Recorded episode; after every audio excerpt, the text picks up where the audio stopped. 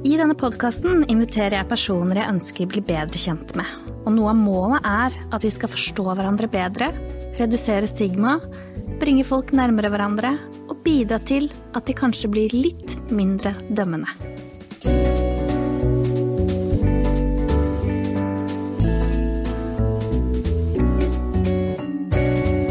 Du lytter til Snakk med Silje. Lars Lillo Stenberg, velkommen eh, til meg i dag.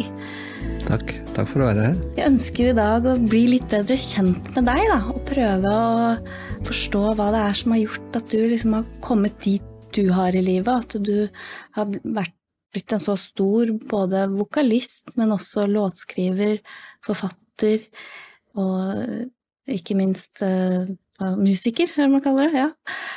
Så, så, jeg tenker kanskje vi bare kan begynne sånn litt på starten. Litt sånn hva var det som gjorde at du ble så interessert i ja, både sang og musikk og sånn lite barn, liksom? Hvor, når Mm. var det det starta? Hvis vi liksom Ja, jeg kan jo eh, si da ganske fort at, um, at jeg var eh, veldig musikkinteressert som svært uh, ung. Og da snakker vi så, så ung at man nesten ikke kan kalle det for ung engang, nesten, nesten på babystadiet. Ja. Fordi uh, når jeg bare var I hvert fall så jeg, jeg kunne kanskje bevege meg rundt og så vidt gå, men eh, to år kanskje, eller noe sånt nå. Eller, nei, jeg har hørt rykter om at jeg faktisk var bare ett år gammel. Da. Og eh, det eneste, eneste som nyttet for å få meg til å ikke skrike, det var å spille eh, hele tiden den samme sangen, og det var eh, en gul singel som vi hadde hjemme med Cliff Richard, som var Living Doll, heter den sangen. Ja. Uh, og den måtte jeg bare ha på repeat og repeat. og repeat. De De måtte velge mellom Det var jo grusomt for dem å høre på den om igjen og om igjen, men det var enda verre å høre på meg skrike. Da, så så det, ja. det har jeg blitt fortalt. Og, og, og så kan jeg huske eh, veldig langt tilbake til eh, mine første sånne ideer om, om det å ha minner. Da. Så mener jeg at, eh, at jeg er ikke mer enn tre år gammel eh, før jeg bare bruker lang tid eh, på å høre på også all mulig musikk, klassisk musikk, og, og at jeg kan ligge på gulvet og høre på det og få masse eh, merkelige sånne bilder som man må, en treåring kan eventuelt få. For det var sånne naturbilder, men jeg hadde jo ikke så mye erfaring med Jeg bare husker at jeg kunne se for meg masse landskaper og sånne ting, men jeg hadde jo ikke sett så mye landskaper, så jeg vet ikke hvor jeg eventuelt fikk de landskapene i, inn i bevisstheten fra. Men sånn eh, opp, Og så var det broren min som var mye eldre. Jeg har to brødre, men den ene var eh, kanskje enda mer musikkinteressert enn enn han andre. Eh, og da ble jeg oppmerksom på Beatles og, og de platene han hadde. Mm. Han var ni år eldre. For så vidt han andre var bare opptatt av Stones, da, så jeg fikk også høre Stones ganske tidlig. Så jeg måtte liksom velge mellom de to, da. Det ble Beatles som var, som var vinneren den gangen. Da er jeg kanskje fire-fem år, da. Mm. Og jeg begynner å tegne platecover og med meg selv på som oh, ja. artist. Og ja. Så du, du, allerede da så var det litt sånn Ja, ja. Tenkte du at du skulle bli artist? da jeg ble helt sånn vanvittig opptatt av det der med konseptet eh, vinylplater, liksom, og det å gi ut en plate, og Mm. etiketten og navnet ditt på den, liksom. Ja. Så jeg fikk sånne hybristanker om meg selv i fantasien ja. eh, allerede den gangen. Og, og så spilte jo broren min gitar eh, også. Og når jeg ble litt eldre igjen, syv-åtte år, fikk jeg av og til, og spesielt om sommeren, fikk jeg lov til å være med rundt på de sommerfestene nede på Svaberget og rundt omkring til langt på natt. ja. Og da satt jo broren min ofte og spilte Neil Young og sånne ting, og da tenkte jeg også det at søren så gøy det hadde vært da å lære, lære å spille gitar også. ja. Så det gikk noen år, eh, kanskje først når jeg var to- 13 år, så begynte jeg for alvor å spille gitar da. Mm. Lærte jeg av broren min da. ja. Så du begynte med å synge, eller? Nei da, det var i forbindelse med, det gikk liksom parallelt at jeg lærte meg å synge noe Mens- Young-låter mens Ja. jeg lærte akkordene og sånne okay. ting. Ja. Så, Altså du begynte liksom å designe platecoverne før du begynte å synge og spille? Ja, ja, ja, ja. Det var bare inni langt inn i fantasien min åssen de sangene skulle være. Ja. Men jeg, men jeg satt uh, ofte med, med Jeg lekte at jeg var en platespiller. Så jeg tok en, en eller annen vinylplate. og så gjorde jeg sånn. Da var jeg liten, da, selvfølgelig. Ja. Og så var jeg selv en platespiller, og da lagde jeg lyder. Ok. Som jeg syntes lignet på trommer og sånne ting. Ja.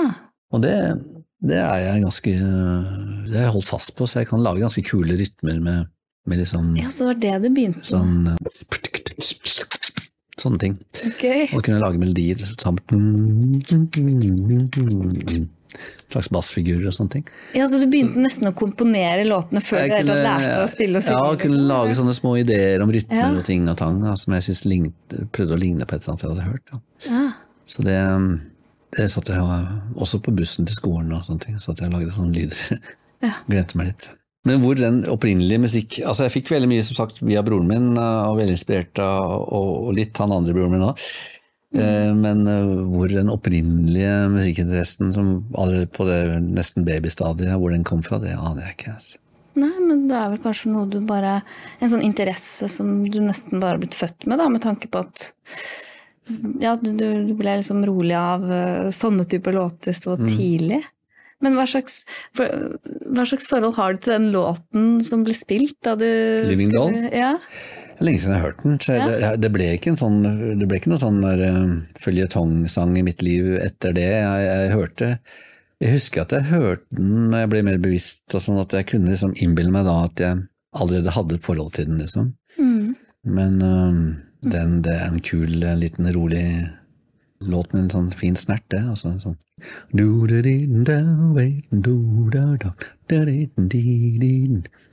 Living doll. Det er sånn bass. Ja, Dum, ja. dum, dum. ja, så det er sikkert litt sånn søvn... Eller litt Det er sånn rolig, eh, eller Litt rolig, litt sånn jazzy Ja. rockelåt, liksom. Eller sånn rockeballade.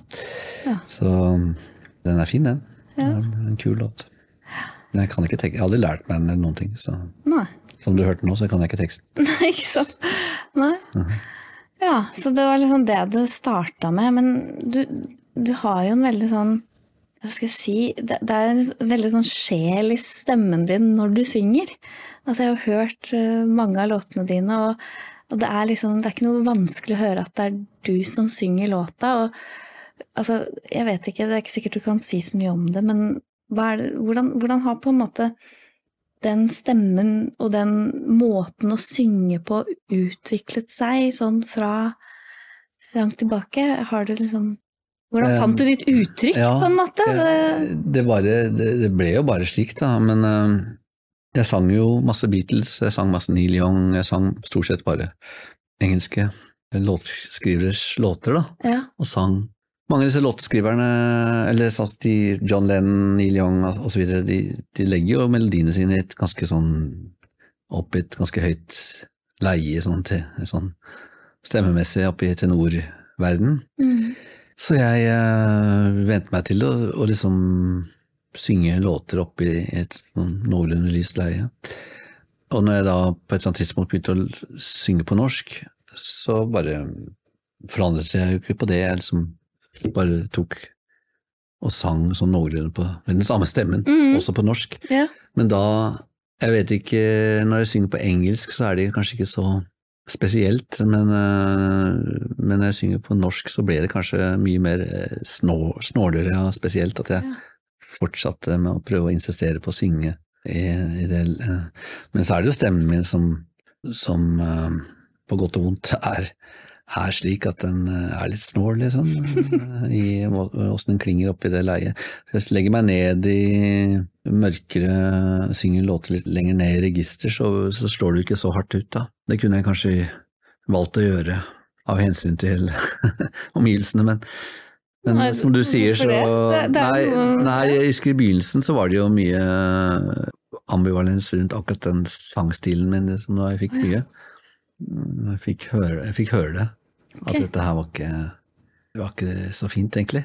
Eh, Men, som, men jeg fikk også masse tilhengere, ikke sant. Så. Ja, ja, for det er noe Men, med men, det eh, ja. men det var mange som reagerte. Det var mange som har kommet og fortalt meg at det tok dem mange år å venne seg til og, og så okay.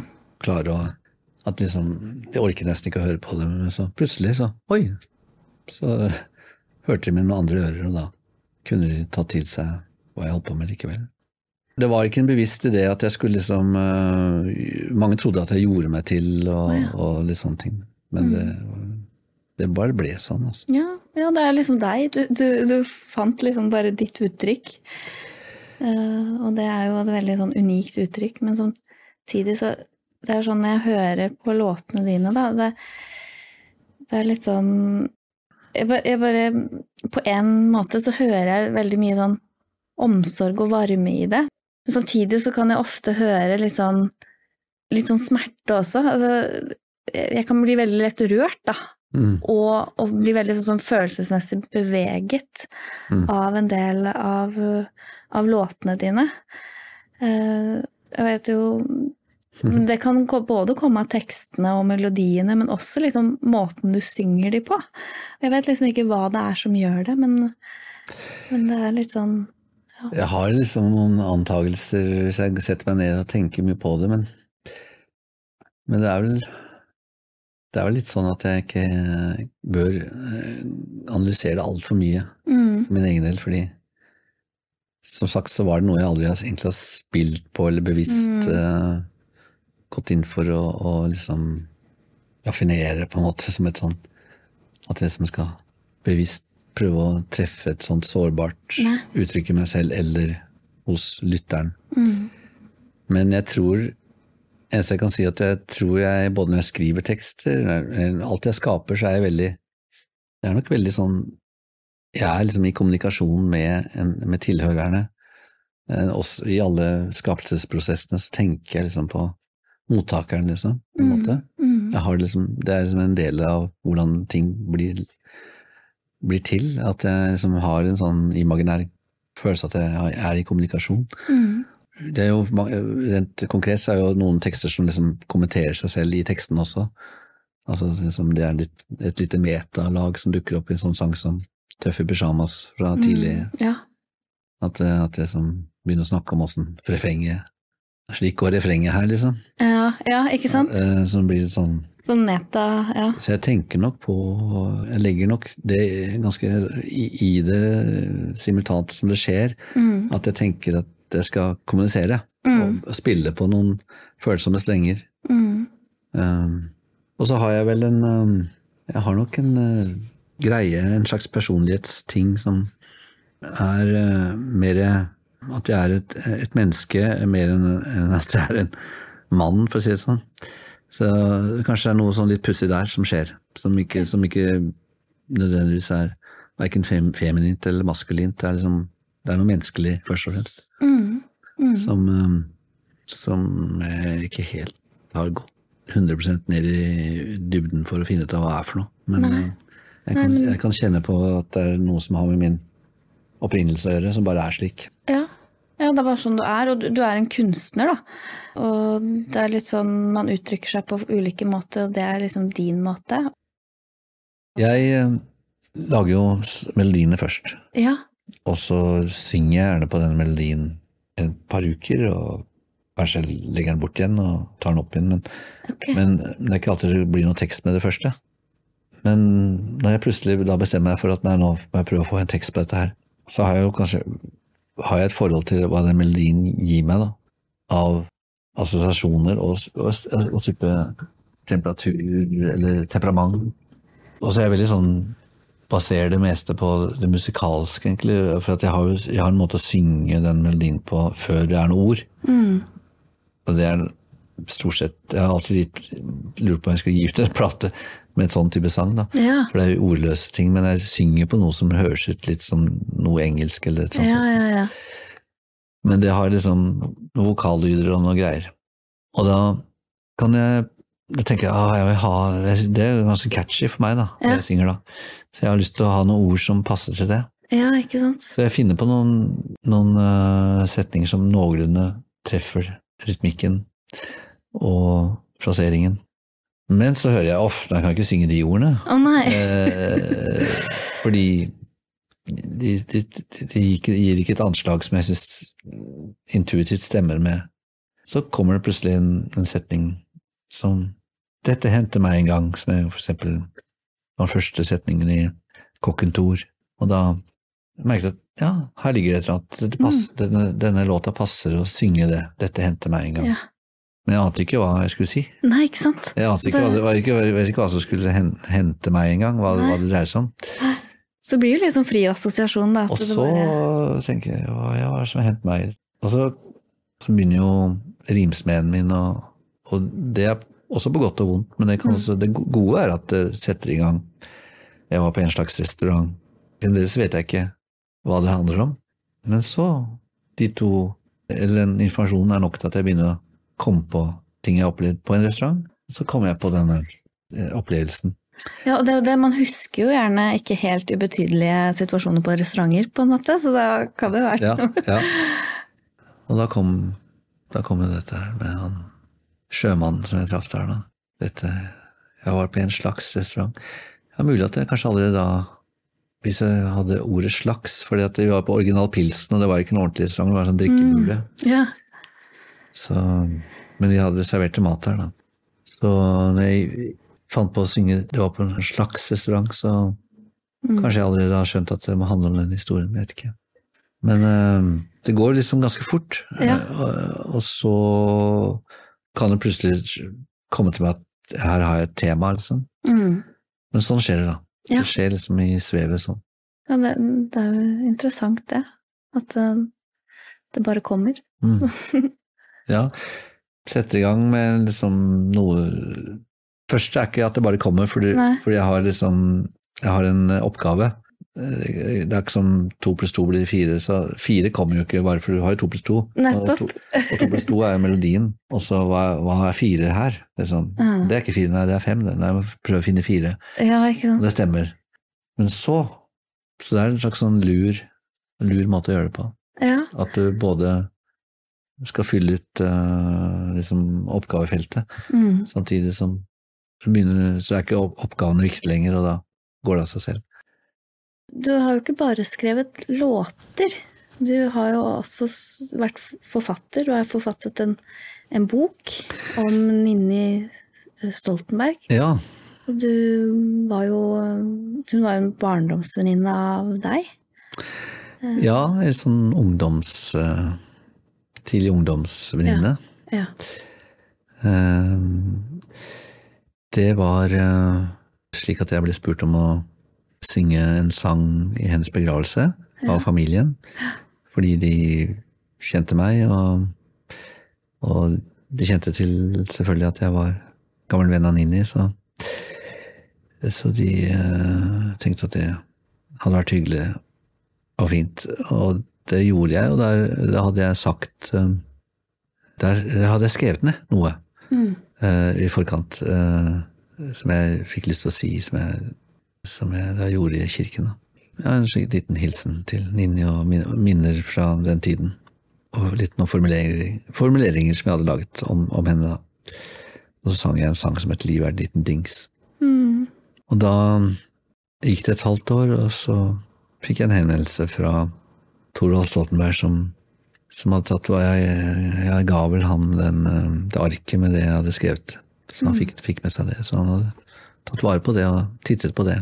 I kombinasjon med at han hadde blitt, fått henvendelser fra, ut fra Gyldendal om, om muligheten av å lage en bok om Nini Stoltenberg. Da. Mm. At den hadde en sånn spesiell posisjon med å være Kjenner de virkelig fra topp til tå av eh, Topp, nei, fra Ja, tå, ja, kan man kalle det hvis man sier Det er ikke noe gærent med tær, men, men, eh, men eh, virkelig samfunnstaperne og, Ja. og, og de på toppen, da. I den, med å være medlem av den familien. Så var jo det en, en redaktør som mente at det var, var en bok, da. Ja. Det burde være en bok. En biografi. Og da ble jeg uh, pussig og overraskende nok spurt om jeg kunne tenke meg å skrive den, da. Mm.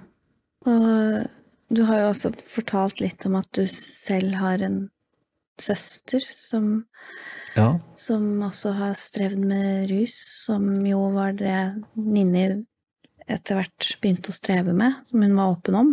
Mm.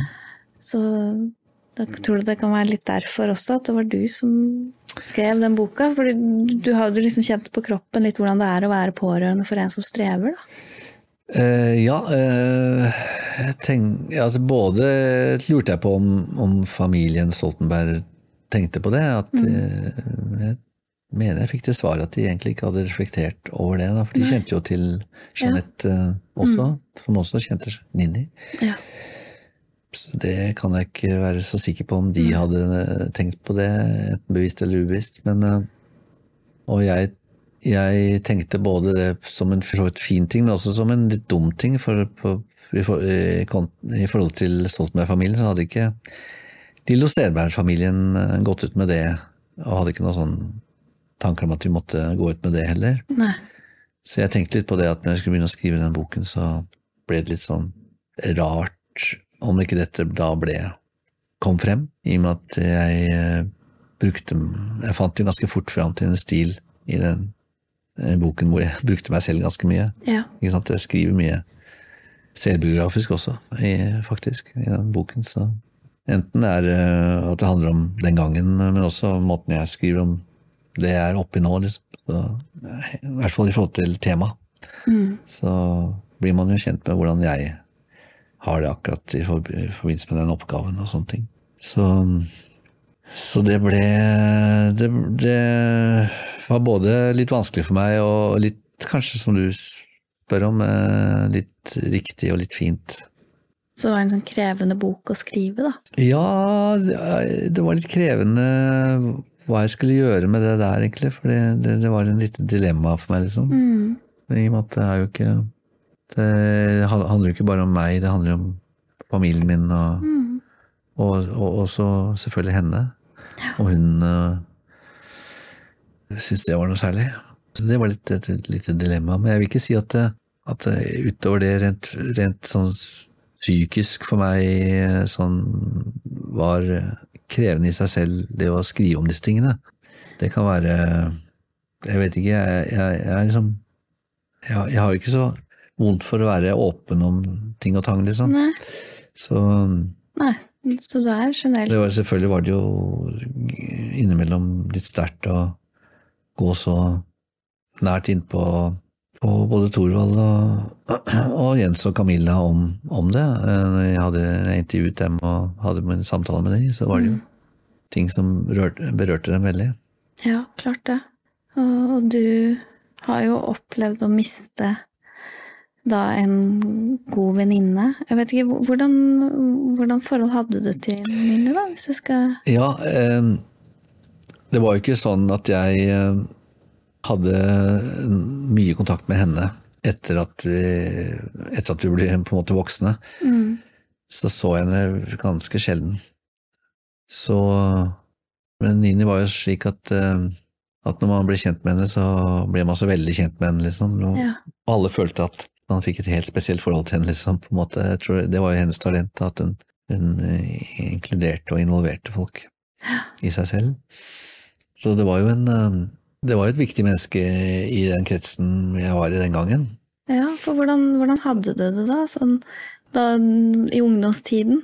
Da hadde du allerede begynt å spille og Ja. synge og Ja, jeg hadde det fint med det. Jeg hadde det, jeg hadde det gøy med å Jeg elsket eh, festene og det sosiale og, og mye Jeg syns det var en fin, eh, fint miljø, liksom, og spennende. Mye utspring fra Steinerskolen som vi gikk, gikk på da. Ja, for gikk du, har du gått på Steinerskolen hele, hele tiden? Siden barneskolen og opp til ungdomsskolen? Ikke så langt som jeg kunne ha gått, for det var, jeg var det første kullet som kunne gått videre på det som da ble kalt for høystadiet, Okay, ja. som da var eh, videregående. ja. Men da, jeg hoppet av da. Ok. Og jeg begynte vel i andre klasse også, jeg gikk ikke første der. Mm. Men jeg har jo Alle mine tre barn har jo gått der, og broren min har jo har vært lærer der. Så han gikk ikke der, han også. Men han, han som jeg lærte å spille gitar av, han Halvor, han eh, Ja. var lærer på Steinerskolen i mange Ja. år. Det er litt det, jeg tenkte å spørre hvordan er det å gå på Steinerskolen, liksom? Har jo hørt veldig mye positivt, at der er det liksom mer åpning for det kreative og Eh, Men, men du har jo kanskje ikke noe å sammenligne med, hvis det, med tanke på at du ikke har gått på en sånn ordinær skole. Ja, altså, eneste var at jeg begynte jo på, da, på, på videregående. begynte Ja, jeg da ja, på jeg da. kjente jo på at jeg kom til noe helt annet da.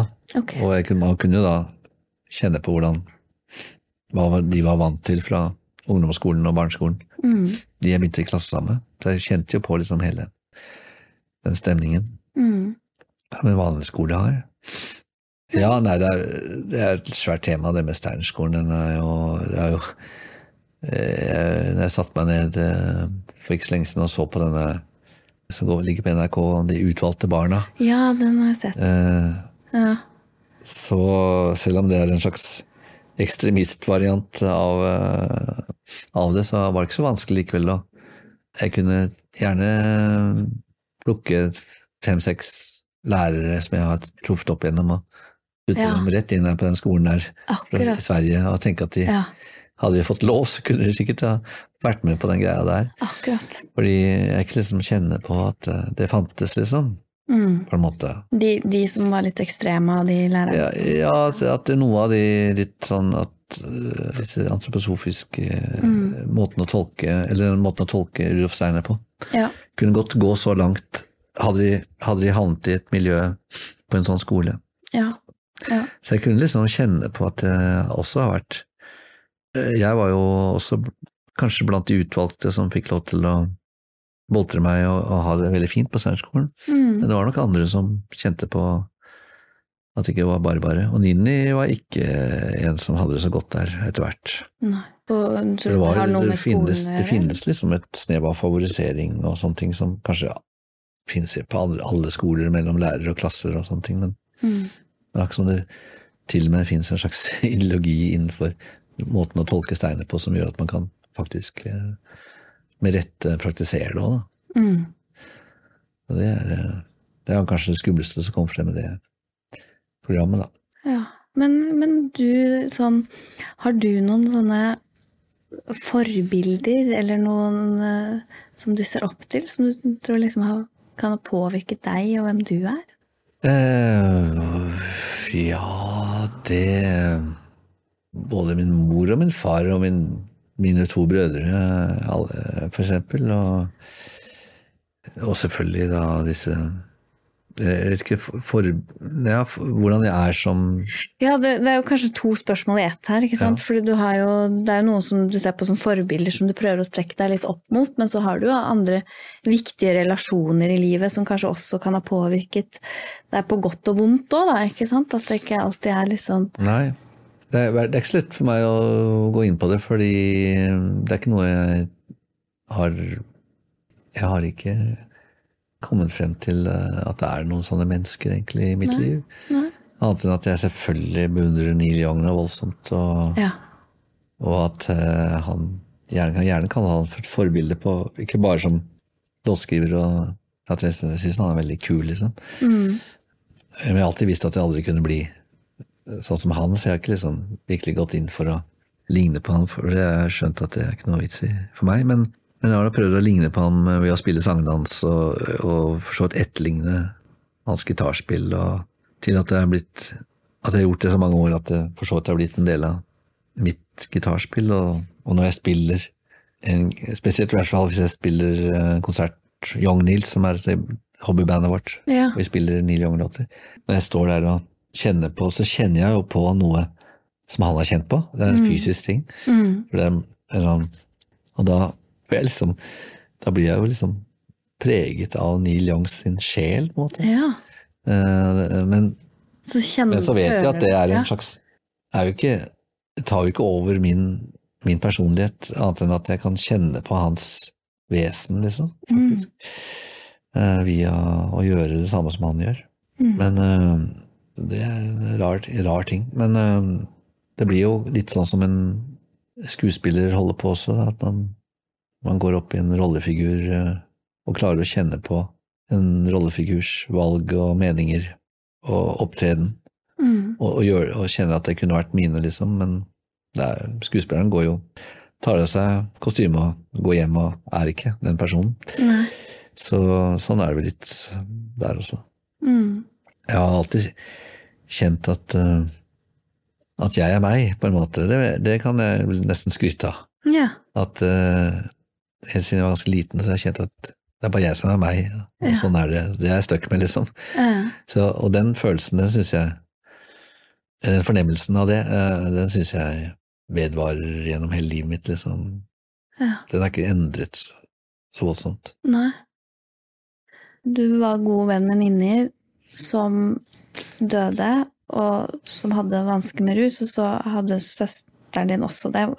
Hvordan, hvordan har det vært for deg, sånn å være pårørende for noen som har de problemene? Selv har jeg jobbet i, med, mye med rus, jeg har jobbet på en ruspoliklinikk, og, og vet jo litt at det, det må, kan være veldig tøft, da. Mm. Eh, Hvordan har det vært for deg?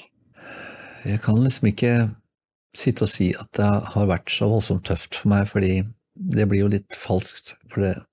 Mm. Eh, Men jeg har hatt noen runder med min søster som har vært litt uh, ganske triste og, og for så vidt tøft for både henne og, og meg eh, når vi har liksom måttet Når jeg har liksom blitt veldig nært innpå henne i, en, i veldig harde russituasjoner hvor hun hvor hun har måttet blitt lagt inn og, på avrusning og sånne ting. Og jeg har vært til stede et par ganger i den sammenheng. Ja.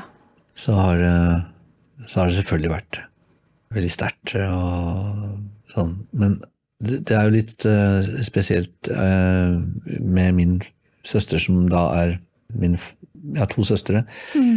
Og de, de er jo da døtre i fars andre ekteskap. Mm. Så de har liksom hatt en litt egen pakke, ikke sant. Ja. Selv om vi har vært, eh, spesielt i oppveksten, jeg bodde jo sammen med, med de eh, i Bergen i tre år, og, og så jeg har absolutt vært veldig nær. Eh, men jeg har også vært litt fjern eh, Ja. i perioder. Og det smertefulle møtet med, med hennes stoffproblemer har jo ofte vært via meg som sønn mer enn som bror. For at jeg har vært da mer min fars sønn, og, min, eh, og far har vært veldig preget og veldig Så jeg har vært litt sånn på siden. Ofte møtt han, han og hans utfordringer med det, eller sett det. Eller, Ikke det at han snakket så mye om det, for han holdt det litt inntil Var ikke så veldig åpen om hvordan han hadde det med det, men jeg skjønte det jo. Mm. Og det Og jeg skjønte jo at, eh, at han eh, håpet og håpet og ønsket og ønsket og håpet at det skulle være siste runde med dette, at nå skulle alt bli fint. Og, og at det ble en skuffelse gang på gang. Og, slik at eh, det var nok ofte den Ja. tingen som nådde meg, nesten mer enn den direkte tingen fra at jeg ble veldig, veldig sånn preget av hennes tilstand, som direkte berørte meg, liksom. Men jeg har vært på det også. Ja. Og jeg hadde jo veldig fin, sterk eh, eh, Egentlig en veldig fin eh, møter og samtaler nettopp i forbindelse med den boken. Mm. Og hun stilte jo opp også i forbindelse med lanseringen og var veldig kul og sterk i denne sammenhengen. Mm. Og så har det gått Den perioden som har vært de siste årene, den har vært veldig fin. Jeg er jo veldig glad for det. Veldig gledelig hver gang. Det går ganske så fint. Mm.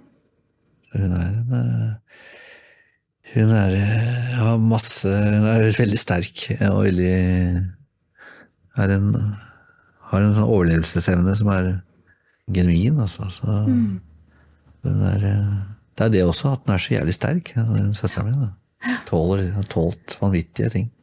Akkurat. Så Så du er litt sånn stolt av henne også, at hun har klart ja, seg jeg såpass syns hun er uh, Hun er uh, litt av en type. Mm. Hun er på en måte ikke en eh, Hun er liksom ikke en trist menneskeskjebne til tross for alt dette her Nei. som har vært. Nei, for, for hun tok vel sikkert tap av han inni Fordi de kjente hverandre, eller? Jo, hun syns jo det, men hun, i hennes verden så er jo, var jo ganske mange som gikk den veien, da. Ja, ikke sant? At hun har opplevd det. At det Mange, massevis. mm. Det er ikke det at ikke det påvirket henne. det, Nei, klart men, det gjør det. men, eh, ja. Det var en av ganske hardbarka på sånne opplevelser, tror jeg. Ja, sånn så man blir litt hardhuda. Men du, du har jo også opplevd andre tap. Altså, du mistet moren din veldig tidlig. Ja, Og jeg hørte jo Har jo hørt på den uh, 'Hjernen er alene'. Det var vel en låt du skrev i etterkant av det, kan det stemme? Eller? ja da. Ja. Og det er jo en veldig sånn sterk, sterk låt, spesielt den du fremførte i operaen. Den er jo på en måte en sterk låt også som For den er liksom så annerledes på så mange måter, også musikalsk og hele arrangementet og den, den er som det Akkurat som den ville vært en spesiell sang uavhengig om De Lillos har laget den eller ikke. Ikke? Den er som en egen greie. Uh, det kommer veldig tydelig frem når når etter programmet jeg var med hver gang vi møtes, når Ja. Elg eh, sang den sangen, så Ja. hans ganske det voldsomme uttrykk, ikke sant. Så hans dramatisk voldsomme uttrykk brukes jo ofte mest til å synge soul og blues og eh, litt sånn rocka, hvor han liksom tar den Men når han brukte det uttrykket sitt på en sånn sang, så blir det jo wow! Ja. så blir det sånn en veldig sterk konstellasjon. ja. Så, så det er noe med den låta der, ja. Eh, som Men tror som ikke bare har med teksten å gjøre, men hele tingen. Mm. Ja, for, for, for tror du at det hadde noe med det å gjøre? Den smerten det er å miste noen som er så nær, på en måte? Det er det, det der underlige at uh, det får en sånn I sånne sammenhenger kan man få en sånn veldig meningsløs uh, opplevelse av uh, ditt eget og hele menneskehetens liv, nærmest. ikke sant? Alt blir jo sånn Hva er vitsen med Så når jeg kom ned til uh, til det, det stedet vi pleier å være hver sommer, så så ble liksom alt, alt ble upersonlig. Liksom. Naturen ble upe- alt, eller, eh, Sånne svaberg som man kjente veldig godt, og badeplass og stupesteinen og Alt ble bare sånn Nei, det er jo ikke, det er ikke stupestein, det der. Det er bare noe greier som har oppstått i istiden. Ja, ikke Ikke sant? sant? Så det er jo ikke Det har ikke noe med verken meg eller min familie eller, eller, Og den kommer til å stå der lenge etter at eventuelt menneskene da forsvinner Ja. fra denne planeten. Så ikke sant? Det er en sånn Hva er vitsen? Og, de, og, de, og de tankene blir jo såpass heftige for en 18-åring at jeg, jeg syns det var klønete å prøve å snakke med mine brødre, som også satt og hadde sikkert sånne lignende stemninger. Så jeg husker at jeg satt der på verandaen på den, på den hytta Ja. og følte at eh, jeg kan prøve å si noe om det, men det er vitsen med det også? Det er ikke noe vitser. Vitsen Nei, ikke sant? Du hadde sånn håpløshet. de vil ikke forstå egentlig hvordan jeg har det, og jeg vil ikke forstå egentlig hvordan de har det. For det er, øh, det er noe ensomt i sånne Egentlig så har man nesten ikke lyst på kommunikasjon heller. Mm. Fordi man, man Det er noe nytteløst. Alt dette Og da kommer jo da tre ordene 'hjernen er alene'. Den kan, Mm. ikke, kan egentlig ikke Plutselig blir det sånn Ja, den fargen er blå, men åssen vet jeg at den ser sånn ut for deg, liksom? Ja. Jeg vet ikke. Ja. Sånn, eh, Det er bare min idé om at den er blå, liksom, den fargen. Ja. Så det var litt, litt sånn Det der sånn. avstanden på en måte mellom mennesker som du kjente ekstra sterkt på, da, på en eller annen måte. At min opplevelse er ikke den samme som din opplevelse, og den kommunikasjonen Ja, da min blir opplevelse er, meningsløs. er, er helt uh, individuell, og jeg kan ikke regne med at noen andre egentlig vet noen ting om Mm. hvordan det er å være inne i min Så da blir jeg konfrontert med det vi snakket om i stad, om at jeg alltid visste hvem jeg er. Så Mm. plutselig så Ok, jeg vet hvem jeg er, men er det noen andre som vet det, liksom? Ja. Og, og, eh, og da var det litt befriende å, Ja. finne på de Heldigvis har jeg litt sånn eh, skråblikk og humor. eh, Så det å finne på de tre ordene 'hjernen er alene', det er jo et lite skråblikk og en liten humor humor eh, i det, da. Som er kanskje litt vanskelig å forstå, men for meg så er det jo når jeg synger og skriker ut 'hjernen er alene', så Så et eller annet sted bak i, langt bak i bakhodet så er det, er det ikke bare sårt, det er også Nei, ikke sant. komisk. Ja. Eh, Så blir det sånn galgenhumor, eller litt sånn at man på en måte avvæpner det litt ved ja, med litt litt humor, da. glede over å si, eh, si noe, bruke ordene på den måten. Ja, så litt sånn utløp At du fikk litt utløp for noe, på en måte? Eller at eh, Ja, utløp for eh, at ja, livet er meningsløst, men det er jo gøy. Ja, ja ikke sant? Ja. Så, så ja. samme måte sangen sier 'livet er en liten dings', liksom. Så Ja. livet er bare en liten dings, men det er jo fint. Ja, ja, så det, det er liksom du, du på en måte letter litt på det veldig tunge og tøffe og vanskelige ved å se litt humoren i det, på en måte. Både da du Ikke ta Lage liksom noe uhøytidelig ut av og, og, og at det er noe befriende å være ubetydelig. Mm. å være meningsløs og ubetydelig er faktisk litt deilig. Så Ja. et, eller annet sted, et eller annet sted baki der så ligger den holdningen også. Ikke sant? Men jeg vil ikke si at den sangen får frem det.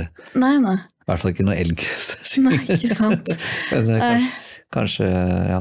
Ja, for han tolker jo sikkert noe litt annet i det, ikke sant. Vi er jo, det, er jo sånn det er med kunst, da. At man tolker forskjellige, og man tar, ser og forstår det ut fra sitt perspektiv, på en måte. Og ingen kan jo egentlig forstå heller Nei. hvordan hva som skjedde i deg, og hva som lå i det da du skrev det sånn på ekte. For, for vi har jo vår egen hjerne. Så, Ja, ja, ja. så det blir jo en litt sånn avstand sånn sett. Men, men er det litt sånn, altså Men hvordan er du da, når det kommer til nærhet til andre mennesker, på en måte? Er det liksom noe du har kjent på i andre sammenhenger? At liksom Ja, hjernen er litt aleine hos deg, og så Ja, altså Det kan er du litt privat, på en måte? Sånn. Ja, liksom både absolutt ikke, og, og, og kanskje likevel sjenert. Ja. Men jeg vet ikke. Det, det syns jeg er vanskelig. Ja. Kanskje det alltid handler om at jeg er usikker på hva som er korrekt, liksom. Mm. Hva som er korrekt, eh, hva som er Eller, stole på Jeg er veldig sånn både analytisk, men ikke alltid klok nok til å gjennomføre en analyse. Så jeg, jeg kan bare Aktiviteten, å være analytisk, kan foregå, men uten noe resultat. Og det kan nok føre til at jeg bare han prøver å I stedet for bare gå for den følelsen jeg har, eller stole på den følelsen, eller så kan du lure på hvorfor har jeg den følelsen, og hva er vitsen med, den- med den følelsen? Er det noe, hva skal jeg med den følelsen, liksom? Og så blir det på en måte altså, Så blir jeg både utydelig, kanskje både for andre og for meg selv. At jeg ikke Det det kan stoppe opp litt hvis man prøver å fange Både hvis jeg selv prøver å fange Dette blir jo parado- paradoksalt igjen til det jeg sa i stad, men, men det er noe sånn litt uh, klønete der. Ja. Så om det er fordi jeg er privat, det, jeg tror jeg er mer fordi jeg er redd for at det skal bli mm, unøyaktig, liksom. At, at, man skal bli, at det skal bli misoppfatta eller mistolka på noe vis? Eller at Ja, eller At det at, jeg skal liksom gå for en sånn Jeg syns språket kanskje ikke nødvendigvis alltid strekker til, da. mm, Og da kommer vi tilbake til hjernen alene. Ja. Så hva som er er- Man kan være sår, men, men det kan være så mange ingredienser inne i bildet som har ført til at man er blitt sårbar. Mm, Og, det, og, jeg, og jeg kanskje har en tendens til å ikke være så nysgjerrig på hvorfor. ja. Hvorfor jeg har de og de følelsene. Mm. Og så blir kanskje Jeg er kanskje litt annerledes der, ja. Og, og så hører man jo i tekstene dine at det er jo Det er jo veldig sånn filosofisk, mye av det, på mange måter. At, at det, jeg vil jo tro at det er noen tanker bak, det er jo ikke bare ord, på en eller annen måte. Det, er, det må jo ligge noen både tanker og følelser bak alle disse ordene. Ja, men de, de tankene bak, de er ikke alltid at Sånn som jeg skriver tekster, så er det ikke sånn at jeg går en, på en sti i skogen og tenker på tenker filosofiske tanker, Nei. og så åh, dette må jeg prøve å få brukt i en tekst, liksom, og så hvordan skal jeg få løst det i teksten, liksom. Mm. Og så setter jeg meg ned og, og liksom uh, formulerer en tekst som, som har en slags sånn skjult filos filosofisk agenda fra noe jeg på et høyere plan som jeg går rundt og tenker på. Nei. Og så kommer det i dette enkle. Det, jeg tror det bare er en tapning av noe som fins i meg av all mulig Og så kan jeg også oppdage at det ligger noen lag i det jeg prøvde å si. Eller noe som jeg kanskje Ja. regnet med var der. og sånt. Ja. Jeg kan også oppdage det, det kan sikkert gå flere år. Mm. Men når det er sagt, så vil jeg jo si at jeg har eh, Jeg har nok eh, med jevne mellomrom eh, på hver eneste plate kanskje én sang, kanskje to sanger. Mm. Og kanskje det også har blitt litt oftere med tiden. At de grubleriene jeg tross alt har, Mm. også kommer til uttrykk i tekster. Altså at, tekster for lenge siden kunne kanskje konkret komme med en slags fortelling, eller, eller legge frem liksom noe, veldig, noe i hverdagen. Mens at man får da visuelle bilder av at man ser for seg noe som blir fortalt. Mm. Um, mens at tendensen til at tekstene blir mer eh, grubler, grublerier, da, Mm. som ikke er som er mer abstrakte når det gjelder å se for seg visuelle bilder, men mer sånn tanker. Mm. Det har nok Det fins det også hos Mm. meg, og, det, og da kan jeg jo si at eh, ja, muligens jeg, jeg eh, har vært litt filosofisk og da prøvd å Mm. si noe. Det er nok noe av det på den siste platen, blant annet. Ja, for den siste platen din, den har jo er det jo flere låter hvor jeg på en måte føler jeg kan identifisere meg litt med mye av det, da. Mm. Eh, For jeg har jo liksom vært igjennom en litt sånn prosess, spesielt det siste året, hvor jeg på en måte ja, hvor jeg, hvor jeg også har blitt mer sånn bevisst i de maktstrukturene i samfunnet, på et eller Ja. annet vis. Fortell. uh, ja. At um, Nei, det, det, er liksom, det er så mange ting som jeg har observert som liksom ikke har gitt helt mening Mhm. for meg. Eh, spesielt når det kommer til, til covid, da, eh, og, og hvordan man har håndtert det.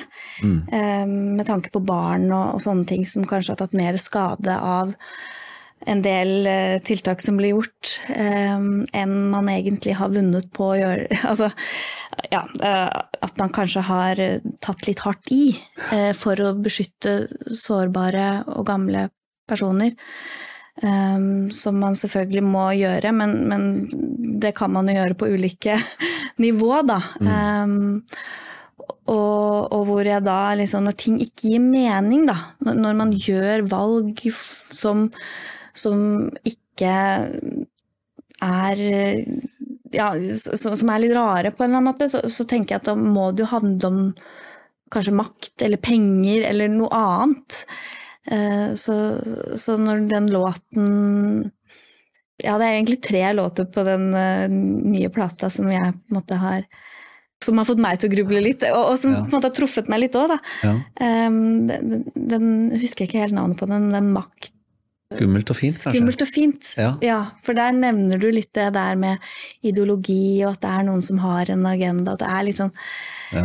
eh, og, og om det er det, da. ikke sant? At det er liksom noen spørsmål rundt det.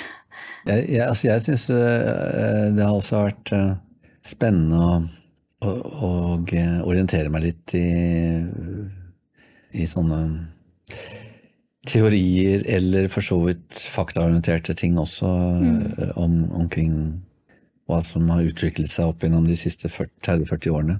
Ja.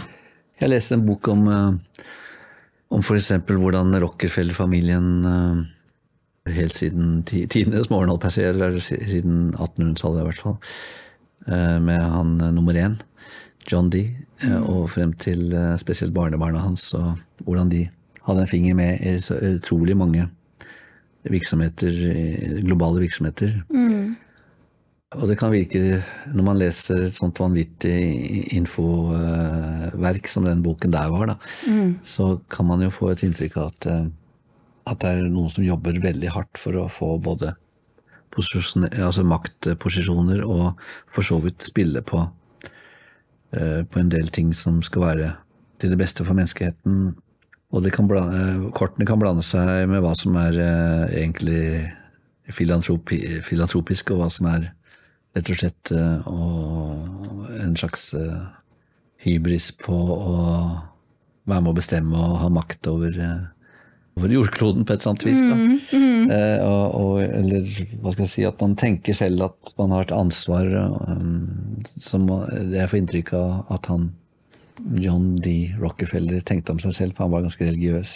Ja. At han tenkte at uh, ja, jeg har gitt menneskeheten oljen og gitt menneskeheten et, uh, en oppjustert uh, livskvalitet, men eh, samtidig de må passes på, ikke sant? de må Ja. kontrolleres. Og, og alt dette her kan man liksom da lese en lang historie helt fram til World Economic Forum og, og, eh, og ha sterke tanker om, om hva som egentlig foregår, eh, hva som planlegges der. da. Men så sier jo da denne teksten til slutt at det er skummelt og fint Mm. at ingen her på jorden egentlig har 100% oversikten over Ingen vet og hva som egentlig kommer til å skje nå, og hva som har skjedd. Ja. Eh, så man, det er så lett å ikke sant, eh, hva heter det for noe? Eh, Å plukke Hva er det de uttrykket heller? Cherry? Cherrypicking. Ja. Ja, At man, at man setter sammen bildet akkurat sånn og sånn, og så Ja. man, så ser man et system, og så, og så går man så veldig for det. Jeg har selv vært litt sånn at jeg har drevet med det, men, Mm. men jeg ender nok litt på gjerdet likevel og tenker at ja, veldig interessant å, Mm. å sette meg inn i, og, og, og, og, for så vidt jeg kan godt tro på mange ting langt på vei, men jeg ender likevel med å tenke at, at jeg kanskje er både naivt, men også, hva skal jeg si, en slags klokskap. En Mm. klok, naiv Mm. del av meg som tenker at eh, jeg, jeg, jeg, jeg nekter å bli med på at det kan være så, såpass utspekulert. Eller at noen Ja. Det kan godt være såpass utspekulert, men jeg nekter å tro at det lar seg gjennomføre. Mm. Ja, jeg, jeg tenker jo litt som deg, da, at, Mm. og håper og tror at, at det, hvis det nå er sånn at det er noen som har noen veldig sånne lumske planer, eller hva skal jeg si eh, Jeg tror jo ikke det heller. Jeg, jeg tror ikke det er så bevisst nødvendigvis at noen har en eller annen agenda om å, å skade verden. Altså hvis man liksom tenker på tilbake i tid, da, i historien, ikke sant? når man tenker på litt sånn totalitære regimer hvor det har vært veldig hvor noen har hatt veldig mye makt, så er det mye ideologi som ligger bak, og ikke nødvendigvis direkte liksom, ondskap. Jeg tror liksom ikke helt på det. Men jeg syns det er litt skummelt likevel å tenke at det er noen som på en måte um, kanskje ikke er i spill Som på en måte kan legitimere en del ting ved den ideologien, da, på en måte. Uh, og at man blander ideologi og vitenskap på, annet, på en eller annen måte som gjør, kan gjøre det litt sånn ekstra skummelt, da, på et eller annet vis. Men det er jo, det er jo slik at um, vi, er jo i, vi er jo i en tid hvor de fleste mennesker føler at selv om du kan si at alt, alt vi skal igjennom nå de nærmeste 30 årene, som da har fått overskriften 'det grønne skiftet', Mm. eh, så, så føler jo Så kan man både føle at det fins en, en annen makt som skal være med å gjennom, som en slags, en slags for så vidt ut, udemokratisk makt som skal være med å legge til rette for dette her. Eh, Men samtidig så føler jo de fleste mennesker at ingenting blir gjort. Ikke sant? Ingenting. De syns, de syns jo at den makten burde vært mye, mye sterkere. Altså, og da World Economic Forum og alt, alt mulig, alt mulig altså FN og, og alle mulige sammenhenger som prøver å få, få nasjonene til og alle mulige st st sterke krefter til å samarbeide om en, en eh, god løsning for alle, eller for, for planeten, så, så føler jo de fleste mennesker at dette det funker ikke. Nei. Eh, Det blir ikke gjort noen ting. Nei, liksom- står i stampe alt sammen. Ja. Og da kan man jo ikke si at de har så mye makt, eventuelt de som har andre agendaer bak det, som eventuelt er økonomiske, og, Ja. eller, eller som det, det, det, blir liksom eh, Det er så mye forvirring i alle Ja. i, måten man skal Jeg har jo vært en eh, sånn eh, person som har skrevet og tenkt på dette helt siden jeg var liten. Jeg, med Ja. når jeg var liten, så var det jo forurensning Ja. og overbefolkning Ja. så var de to ordene vi fikk eh, vokse opp med som sånn det skumle. Det var ikke, var ikke global oppvarming, men det var overbefolkning. Det var et veldig skummelt ord. Mm. Og det var jo på en måte Det, det betød jo at ressursene ikke blir strekket til for oss. at vi vil, Ja, ikke sant? At Det vil vi ikke bli nok til alle, på en måte. Nei, at, at det ville, når jeg blir stor, så vil jeg kanskje ha ikke få mat, rett og slett. Ja, Og ikke ja. få drikke vann. Og Det var mange sånne skumle ideer som, som, som var i kjølvannet av ordet overbefolkning. Ja.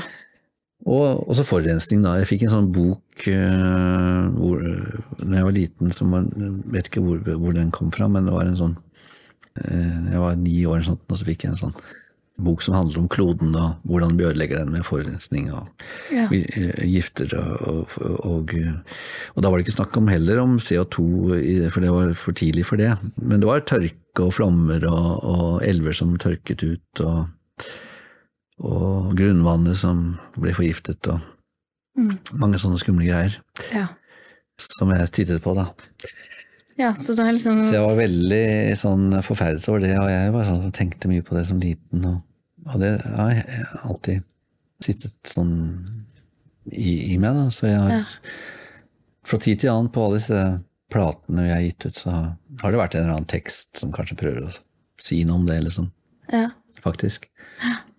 Men, og dette har jo også ført til at jeg i større grad når, når det blir mer og mer alvor rundt uh, drivhuseffekten og alle de tingene der på 90-tallet, så, så har jeg Jeg lagde en sang som het Hei politiker, som, som rett og slett gikk rett, veldig konkret rett i rett på sak når det gjaldt ja, nå må, nå må vi stoppe opp og få svar fra dere, kjære Ja. politikere, hva vi skal Ja. gjøre.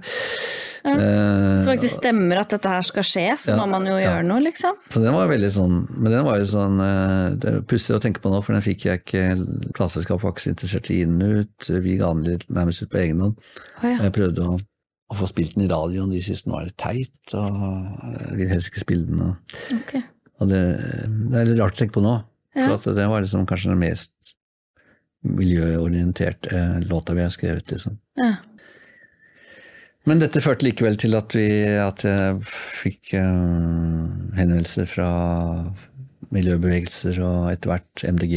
Og, Mm. Så jeg har, vært, har jo vært sånn passiv-aktiv på en måte i sånne sammenhenger. Jeg har stilt opp på en del.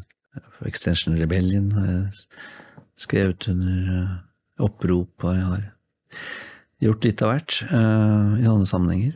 Mm. Uh, men så har jeg vel eh, begynt å holde meg litt mer i bakgrunnen de siste årene, for jeg, hodet mitt har begynt å bli preget av veldig mange måter å tenke på dette på. Da. For jeg har begynt å tenke at, eh, at det er jo hvis, hvis det skulle bli nesten en sånn veldig vanvittig rigid reaksjon på at vi ikke klarer å gjennomføre de bærekraftsmålene, og at dette skulle føre til eh, en, en ganske voldsomme tiltak, da, som er, blir mye mer brutale.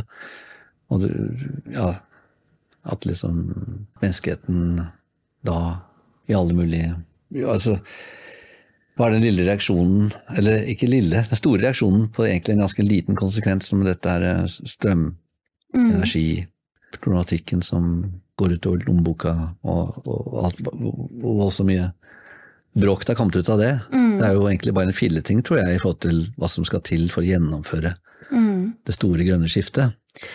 Ja, vi jo- ser jo i Europa at det- der blir det jo gjennomført mye mer drastiske ting med tanke på å legge ned jordbruk og, eh, og kjøttproduksjon og, og sånne ting. At eh, det er liksom veldig strengt eh, blitt, da. Og det kan jo bli ganske voldsomme konfrontasjoner ut av det som man kanskje, kanskje hvis, det er, hvis det er det vi må gjøre, så kan det godt hende at vi må gjøre det, men eh, og så får man bare komme som ut av det ganske skakkjørt og, og slitne, og kanskje eventuelt klare å gjennomføre noen av disse bærekraftmålene, men det kan være, bli på en ganske stor bekostning av, av sivilisasjonen, det også. Ja, ikke sant. Menneskets frihet da, og valgmuligheter på mange måter. Ja, hvis man skal liksom øh, tenke veldig, men, men veldig sånn øh, frykt da på, og ikke med en glede, på den der øh, Alt som skal gjennomføres i forhold til øh, å bruke ja, en slags positiv bruk av kunstig intelligens og, og all verdens um, tekniske vanvittige nivåer, da, for å prøve å hjelpe menneskeheten til å gjennomføre det grønne skiftet via en, den type kontroll at, at alle mulige eiendeler og ting skal liksom kunne spores. Ja. Og, eh, passes på slik at, at man Det er jo en god tanke, selvfølgelig, at man skal slutte å ha bruk og kast og alt, Ja, ja, ja. Og, det, og all mulig sirkulær um, økonomi. Og, og jeg er jo veldig Jeg er kjempeglad i finn.no. Ja. Og, eh, og jeg selv er en som ikke liker å kaste noen ting. Nei, jeg, jeg er bruker, sånn- jeg bruker det til det går nærmest uh, eh, Ja, jeg så jeg er veldig glad i det at, at vi eh, kan gjøre noe kjempelurt der. Jeg har hatt mange tanker opp. Lenge Ja, før men- Finn oppsto, så hadde masse sånne ideer om det. Ikke sant? Ja, så jeg liker ikke heller sånn bruk og kast-samfunn. Men jeg vil heller ikke ha et samfunn hvor eh, vi innfører nærmest rasjoneringskort. At nei, nå har du brukt opp eh, den kvota og den kvota i- for i år, og nei, nå har du ikke tatt medisinene dine, så nå får du ikke ditt og datt. At det, det, det er liksom den type samfunn jeg er litt sånn redd for at vi kan ende opp med å bli, da, hvis det blir for mye kontroll på enkeltpersoners um, hva skal jeg si personlige bruk på en eller annen måte. Eh, Men jeg tenkte jo i hvert fall Jeg husker at jeg, tenk, jeg, jeg ble valgt inn på til å være Det var jo ikke meningen, men eh, fordi jeg sa ja til å stille på noen valglister for MDG, så ble jeg plutselig stemt inn og endte opp som sånn varamann oh, ja. i en sånn kulturkomiteen. Det var ikke, det ble ikke så mye jobb for meg, det. Men, eh, men da måtte jeg uttale meg litt til noen journalister og sånn. da. Og det, er ikke så lenge siden, men da var jeg helt sånn at jeg mente at uh, altså hele denne kampen vi må gjennomføre mot for å, for å redde verden, den, den er viktigere enn alt. Altså, det, altså IS kan gjerne overta, overta kloden for min del, uh, nærmest, eh, bare vi får jo, Ja. ordna opp i dette her. Så du var veldig Så jeg var helt, jeg var helt sånn Ja. at jeg, Og det kan man jo si til deg, da, som, som snakker om at de må ha kontroll på ditt og datt, Ja. og rasjoneringer.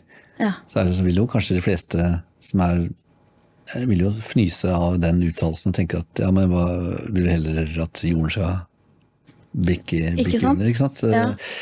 eh, vi har dritt oss ut så, så vanvittig nå, i, spesielt etter 1850, at, mm. at må vi eh, vi må bare ha en, eh, en ganske sånn kjip uh, greie i kanskje 300 år for å komme på rett kjøl igjen. Det, det er mange folk som tenker sånn. ja. Jeg syns det kommer til å bli kjempespennende da. eh, Uh, hvordan, uh, hvordan, hvordan det blir nå med alt det som vi har forpliktet oss til å gå videre med når det gjelder, som sagt, det grønne skiftet, og alle de begrensningene det skal eventuelt sette, på, sette i stand for oss. Da.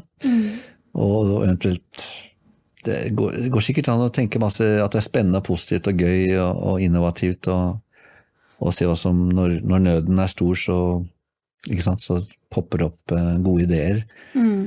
Um, og at, uh, at det kanskje kommer noen veldig flotte løsninger. Men jeg, jeg, jeg er veldig redd for disse panikk... Uh, og liksom det bare komme unna med ting og alt det der. Kanskje litt sånn eh, Ja, sånne politiske manøvre som bare er usaklige, eh, på en måte. Mm. Og ikke kloke. ja. Eh, Jeg er veldig redd for Og så er jeg litt sånn at jeg godt kunne tenkt meg at, at vi alle sammen lærte mer om det vitenskapelige, for det er jo veldig masse avanserte um, forhold. Det, så mye kan jeg i hvert fall si. Mm. Jeg så på, jeg så på et eh, program som handlet om som også var veldig dystert, for det handlet om grønlandsisen. øh, øh, veldig modige forskere som lot seg øh, Hva heter det for noe? Fire ned, eller? Ja. ja 100 meter ned i isen. Ja. Og, var, og der oppdaget de at det, selv om det tilsynelatende har vært en tendens til at eh, faktisk den grønlandsisen en periode vokste Mm. mot eh, alle odds, så ser man at det er masse underjordiske Kanaler, el- el- liksom. kanaler, Ja, ja. under der, så, så Ja. man frykter at hele pakka bare plutselig skal Å, skli, skli, skli ut. da. ja. Men så sier de også samtidig på dette programmet at uh, det er så utrolig mange ting som vi ikke forstår når det gjelder denne, dette forholdet her. Det er så masse ting vi ikke ennå vet. Mm. Og det blir nok sagt i det programmet som en skummel ting. Mm. Men det er også, hvis vi går tilbake til skummelt og fint, Mm. så er det også litt fint at det kan også bety at det når, du, når, de- når forskerne innrømmer at det er veldig mange ting de ikke er helt sikre på, Mm. så betyr det også at det de kan, de kan gå i retninger de ikke de klarer å regne seg fram til. Ja. Og sånn vil det alltid være, tror jeg. Ja. Takk for at du deler av eh, hvordan, eh, hvordan alt dette er for deg, selv om det ikke er noen enkle svar, og selv om det, det ikke er noe sånn fasit på noe som helst, så syns jeg at du har svart godt på alt, ja. Og jeg syns det har vært veldig fint å snakke med deg. og fått et litt større innblikk i hvem Lars Lillo Stenberg er, som er liksom mannen bak eh, alle de kjente, gode, kjære låtene, sommerlåtene, men også de litt mer hva skal jeg si, litt sterke, dype eh, tekstene og melodier som rører veldig, da. Så, så takk for det. Takk skal du ha. Det var eh, absolutt hyggelig å være her og snakke med deg.